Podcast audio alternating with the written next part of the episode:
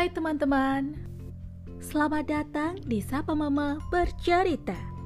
Hari ini kita akan membaca buku seri Hanoman Cilik, yaitu bercerita tentang impian Hanoman Cilik.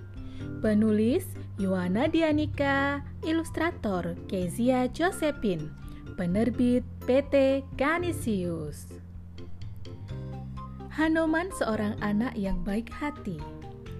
Ia tinggal di sebuah desa di lereng Gunung Lawu bersama ibunya Dewi Anjani.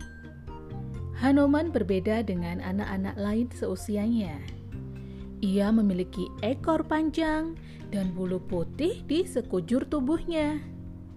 Ia juga punya tenaga yang kuat, sehingga dapat mengangkat beban berat. Karena keanehannya, anak-anak lain sering mengejeknya. Suatu hari, Hanoman merasa bosan di rumah dan ingin bermain di luar. Bolehkah aku ikut bermain? Tanya Hanoman kepada anak-anak di lapangan. Tidak boleh, kamu aneh, mirip kera. Jawab salah satu anak. Ih, aku takut. Wajahmu mengerikan. Seru anak yang lain. Main saja sendiri, anak kera. Ejek anak lain yang paling besar. Karena tidak dihiraukan oleh anak-anak itu, Hanoman pulang dengan sedih. Saat di rumah, Hanoman tiba-tiba jadi pendiam. Ada apa, Le? Seharian ini kamu terlihat murung. Tanya Dewi Anjani. Hanoman menatap ibunya dengan sedih. Ia lalu bertanya, Apa benar Hanoman anak kera, Biung? Dewi Anjani terkejut mendengarkan pertanyaan anaknya. Teman-teman memanggilku anak kera, Biung. Ungkap Hanoman sedih. Sebelumnya, Hanoman tak peduli saat diejek teman-temannya.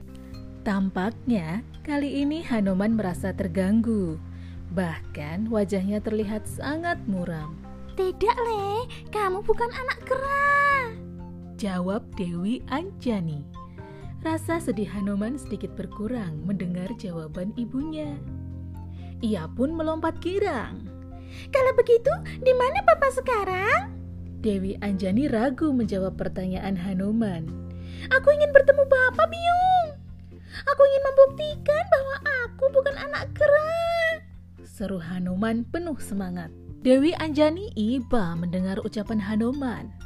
Bapakmu adalah dewa le, namanya Batara Guru. Ia tinggal di kayangan karena harus mengurus banyak hal.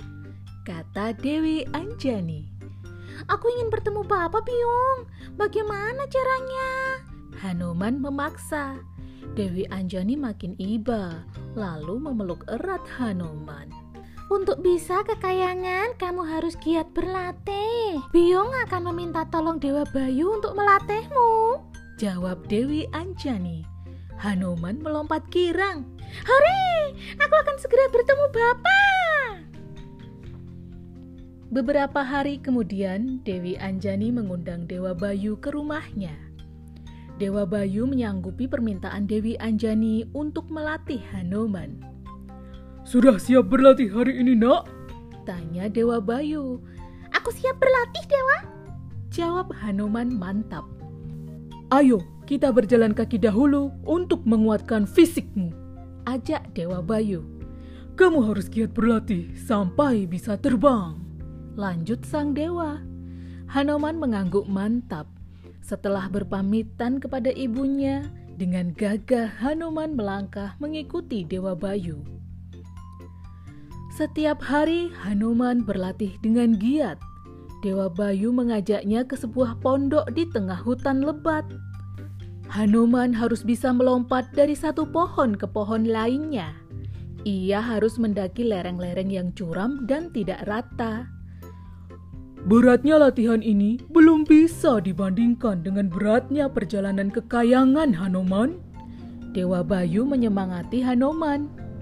Hanoman makin tekun berlatih. Ia pantang menyerah menyeberangi derasnya aliran sungai, menapaki terjalnya jalan berbatu, dan mendaki banyak gunung atas petunjuk Dewa Bayu yang selalu sigap melatih. Kita akan mengulang latihan ini sampai kamu bisa terbang cepat. Sampai tubuhmu terasa ringan dan bisa merasakan angin. Kata Dewa Bayu sambil tersenyum. Sebenarnya bagaimana cara untuk sampai ke kayangan, Dewa? Hanoman mengerutkan kening. Dewa Bayu menunjuk sebuah gunung tinggi. Puncak gunung itu menjulang hingga menyentuh langit. Di sana berdiri Gunung Lawu. Gunung itu adalah jembatan menuju kayangan. Kamu harus bisa mencapai puncaknya, jelas Dewa Bayu. Setelah sekian lama berlatih di dalam hutan, Dewa Bayu mengajak Hanoman pulang. Sesuai perintah Dewa Bayu, ia mencoba menghafal jalan pulang. Ia mulai kebingungan ketika sampai di persimpangan. Duh, pilih mana ya? Kanan atau kiri? gumam Hanoman. Kanan menuju jalanan berbatu, kiri menuju jalanan berpasir. Dewa Bayu membantu. Hanoman tersenyum malu. Ia ingat bahwa jalan menuju ke rumahnya berbatu-batu, bukan berpasir. Maka ia memilih jalan sebelah kanan. Mereka bertemu persimpangan lagi. Sekarang pilih mana ya? Kanan atau kiri? gumam Hanoman. Kanan menuju ladang jagung, kiri menuju sungai, kata Dewa Bayu. Pasti ke kiri, jawab Hanoman yakin. Ia ingat pernah menyeberangi derasnya aliran air sungai. Melalui perjalanan pulang itulah Dewa Bayu melatih ingatan dan kecerdasan Hanoman. Kini mereka tiba di persimpangan berikutnya. Coba ingat, Jalan yang sebelah kanan atau kiri ya? Gumam Hanoman. Selanjutnya Hanoman menjentikkan jari, lalu berteriak yakin. Aha! Kanan menuju hutan, kiri menuju tanah lapang. Berarti kiri! Seru Hanoman. Hebat, kamu mulai pintar mengingat. Puji Dewa Bayu. Hanoman tersenyum bangga. Ia yakin bisa segera mewujudkan impiannya untuk menemui bapaknya di kayangan. Ingat Hanoman, ketika ilmumu bertambah, kamu harus tetap rendah hati dan tidak boleh sombong. Jelas Dewa Bayu. Satu lagi, di mana ada kemauan, di situ pasti ada jalan. Dewa Bayu menambahkan. Terima kasih Dewa, nasihat itu akan selalu kuingat Aku pasti bisa mencapai puncak Gunung Lawu. Hanoman mengepalkan tangan penuh semangat. Terima kasih sudah bergabung di Sapa Mama Bercerita. Subscribe dan nyalakan notifikasi agar teman-teman selalu memperoleh informasi terbaru dari Sapa Mama Bercerita. Sampai jumpa.